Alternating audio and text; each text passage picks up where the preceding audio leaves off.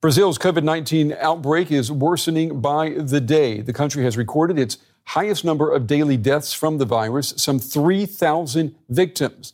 The milestone came as President Jair Bolsonaro installed his fourth health minister since the pandemic began. Brazilians are increasingly angry, but Bolsonaro says vaccines are on the way. COVID 19 has nearly toppled the country's healthcare system, and hospitals are overwhelmed by patients and they are running out of supplies. On Sunday, Brazil reported ICUs in nearly every state are at least 80% full.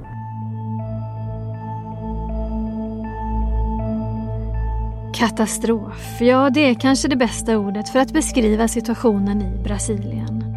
Coronapandemin har exploderat i landet under de senaste månaderna och siffrorna är ofattbara. Över 12 miljoner brasilianer har hittills smittats av corona. Över 300 000 av dem har avlidit till följd av viruset. Och just nu dör över 2 000 personer varje dygn. Sjukvårdssystemet är extremt överbelastat.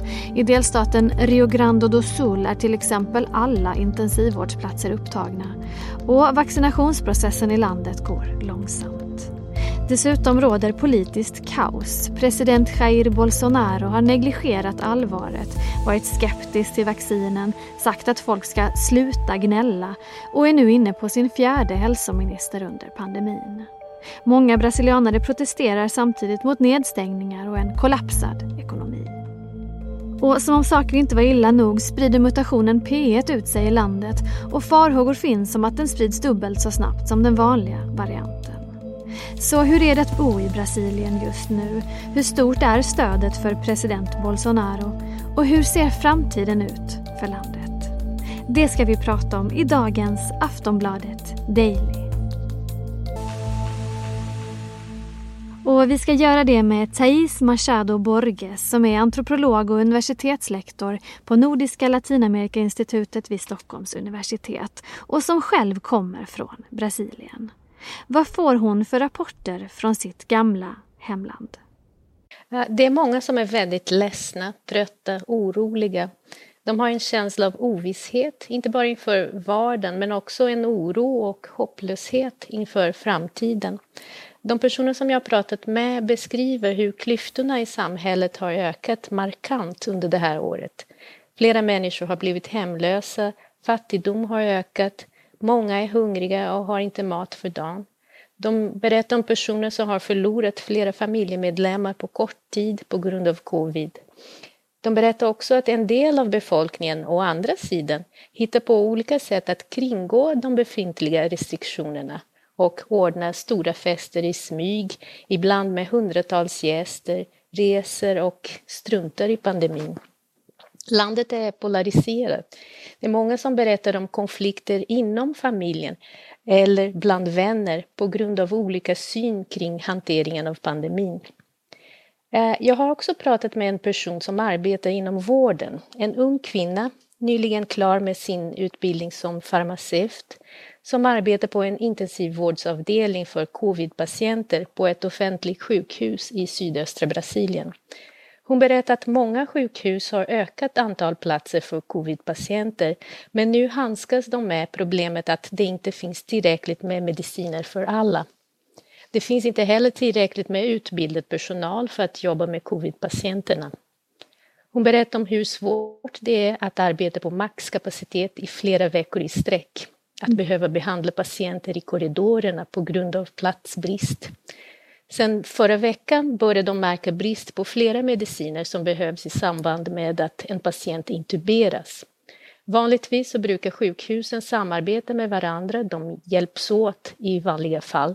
Men nu har de flesta av dem nått maxkapacitet, så även den här sortens samarbete är svårt just nu. Mm. De måste komma på olika lösningar och tänka på vilka mediciner som skulle kunna användas istället för de som tar slut. Så hon och hennes kollegor är under extrem press. Och hon berättar att det är flera som inte mår bra på grund av den ständiga stressen. Hon har själv sedan en vecka tillbaka börjat använda sömntabletter för att kunna sova på nätter. Deras bild att det blir just värre hela tiden? Ja, man ser inte eh, slutet på krisen. Nej. Så det, det är väldigt svårt. Brasilien är ju just nu det, det näst svårast drabbade eh, landet i världen av just corona. Vad finns det för förklaringar till, eller teorier till varför just Brasilien drabbats så hårt? Pandemin slår hårdare bland de som befinner sig i, mest utsatta, i mer utsatta positioner. Och Brasilien är ett extremt ojämlikt land. Den första personen som dog av covid-19 i Rio var en 63-årig kvinna som arbetade som hembiträde hos en medelklassfamilj vars medlemmar hade varit i Italien i början av förra året. Så alla de som arbetar som timanställda eller i den informella sektorn har inte möjligheten att arbeta hemifrån eller låta bli att komma till arbetet. Den informella sektorn är väldigt stor i Brasilien. Det finns uppskattningar att cirka 40 procent av brasilianare före pandemin försörjde sig genom informella arbeten. Så pandemin förstärker och förvärrar de skillnader som redan finns. Så vi har strukturella faktorer att ta hänsyn till, men sen måste vi också prata om bristen på gemensam koordinering av åtgärder och restriktioner satsningar för att gemensamt reglera när man bör införa strängare restriktioner, vilka sorter restriktioner och så vidare har inte funnits. Förhandlingar för att köpa vaccin och planer för massvaccinering har inte heller skett som koordinerade satsningar. Tvärtom. Och vi måste också prata om desinformation. Under en lång tid har folk levt med motstridiga budskap. Å ena sidan har vi haft vetenskapliga studier och erfarenheter från till exempel Europa, där pandemin började något tidigare än i Brasilien, och som visar på problemets allvar. Å mm. andra sidan har landet en regering och en president som i stort sett nekat allvaret med covid-19. Det orsakar stor förvirring bland befolkningen. Vem ska man lyssna på? Hur ska man agera? Om vi ska prata lite mer om, om president Bolsonaros politik, vad spelar den för roll i sammanhanget? Han har ju bland annat använt ord som sluta gnäll och han har upp, uttryckt sig negativt kring vaccinet. Det, det, är viktigt att komma ihåg att presidenten har förminskat och förnekat allvaret med pandemin. Han har uppmanat till folksamlingar där han själv deltagit, ifrågasatt vetenskapliga studier, uppmuntrat användning av verkningslösa mediciner, ifrågasatt vaccineringen och försenat ett koordinerat inköp av vaccinet. Och hur ser stödet ut för Bolsonaro i, i nuläget? Den katastrofala hanteringen av pandemin börjar spela en roll i hur presidenten uppfattas. Den brasilianska pressen rapporterar om färska opinionsundersökningar som visar att cirka 54 procent av de tillfrågade bedömde regeringens hantering av pandemin som dålig eller usel. Presidenten har fått påtryckningar från olika håll Politiker, näringslivet, finansvärlden kräver nu konkreta åtgärder och att vaccinationsprogrammet kommer igång ordentligt. Mm. Sen någon vecka tillbaka har han börjat prata om vikten av massvaccinering och i en 180 graders vändning påstår han nu att han alltid haft en positiv ställning till vaccination. Men han fortsätter att prata om alternativa preventiva behandlingar och är emot hårda restriktioner och nedstängningar. Hur ser restriktionerna ut i landet just nu? Brasilien är en federation som består av 26 delstater och delstaternas guvernörer har en del autonomi för att kunna ta egna beslut. Borgmästarna också. Presidenten har hittills varit emot nedstängningar och restriktioner men en del guvernörer och borgmästare har tagit egna regionala eller lokala initiativ. Så restriktionerna varierar från stad till stad, men på flera delar av landet har antingen guvernörerna eller borgmästarna beslutat om utegångsförbud mellan klockan åtta på kvällen till fem på morgonen. En del har beslutat om att stänga ner affärer och shoppingcenter och, bara, och att bara livsmedelsaffärer eller apotek får öppna som vanligt. Men trots de ökade restriktionerna fortsätter folk att cirkulera. Skolorna har varit stängda i nästan ett år. En del har haft undervisning online, men det är långt ifrån alla lärare och alla studenter och elever som har tillgång till internet för att kunna köra distansundervisning. En del städer har också beslutat om att tidigare lägga och förlänga påskhelgen i ett försök att få flera att stanna hemma.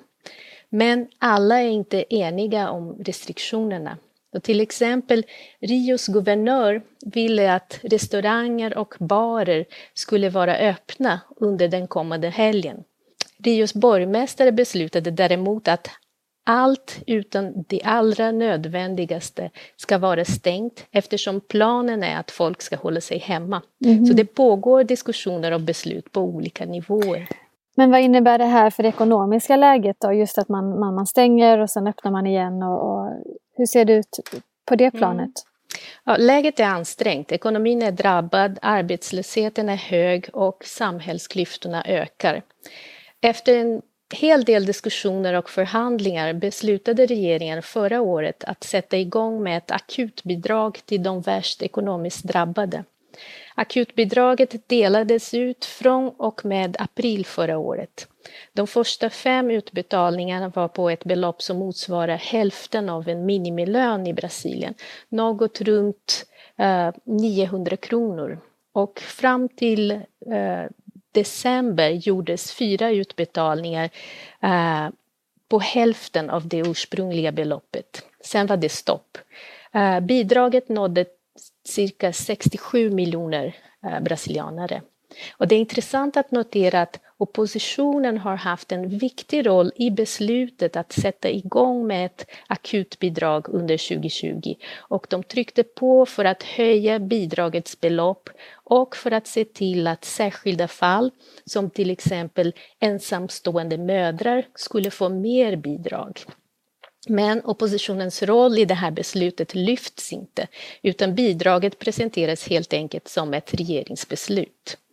Uh, nu beslutades det även om akutbidrag för 2021, men på ett mindre belopp än förr, som motsvarar cirka 200 till 500 kronor och med färre personer som mottagare, så kanske runt uh, 47 miljoner. Det är inte riktigt säkert när utbetalningen kommer att ske, kanske i april. Och det är många som säger att bidraget för 2021 är för lågt och kommer inte riktigt att kunna hjälpa dem som tar emot det. Det är också viktigt att säga att det finns många i civilsamhället som engagerar sig och gör kampanjer för att få donationer i matvaror eller pengar så att de värst drabbade inte blir utan mat. Mm. Men det behövs mer. Du som själv kommer från Brasilien, jag antar att du fortfarande har släkt och, och vänner på plats eh, i landet. Vad, vad känner du och vad, vad, tänker du kring framtiden och utvecklingen i Brasilien? Ja, det, äh, ja, nej, det, det är oroande. Det jag är orolig inför det som kommer och orolig för eh, hur folk mår och eh, just det där att de inte känner att eh, just det här framtidsperspektiven, att inte se när det här ska ta slut och när det här tar slut, vad händer då med ekonomin som det är, med den här arbetslösheten, med klyftorna som ökar. Så det, det är väldigt mycket som, eh, som är på gång nu och som kommer att behövas eh, förbättras eh, framöver.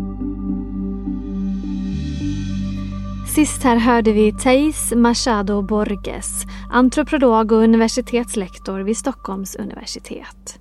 Jag heter Olivia Svensson och du har lyssnat på Aftonbladet Daily. På återhörande. Hej då. Du har lyssnat på en podcast från Aftonbladet. Ansvarig utgivare är Lena K Samuelsson.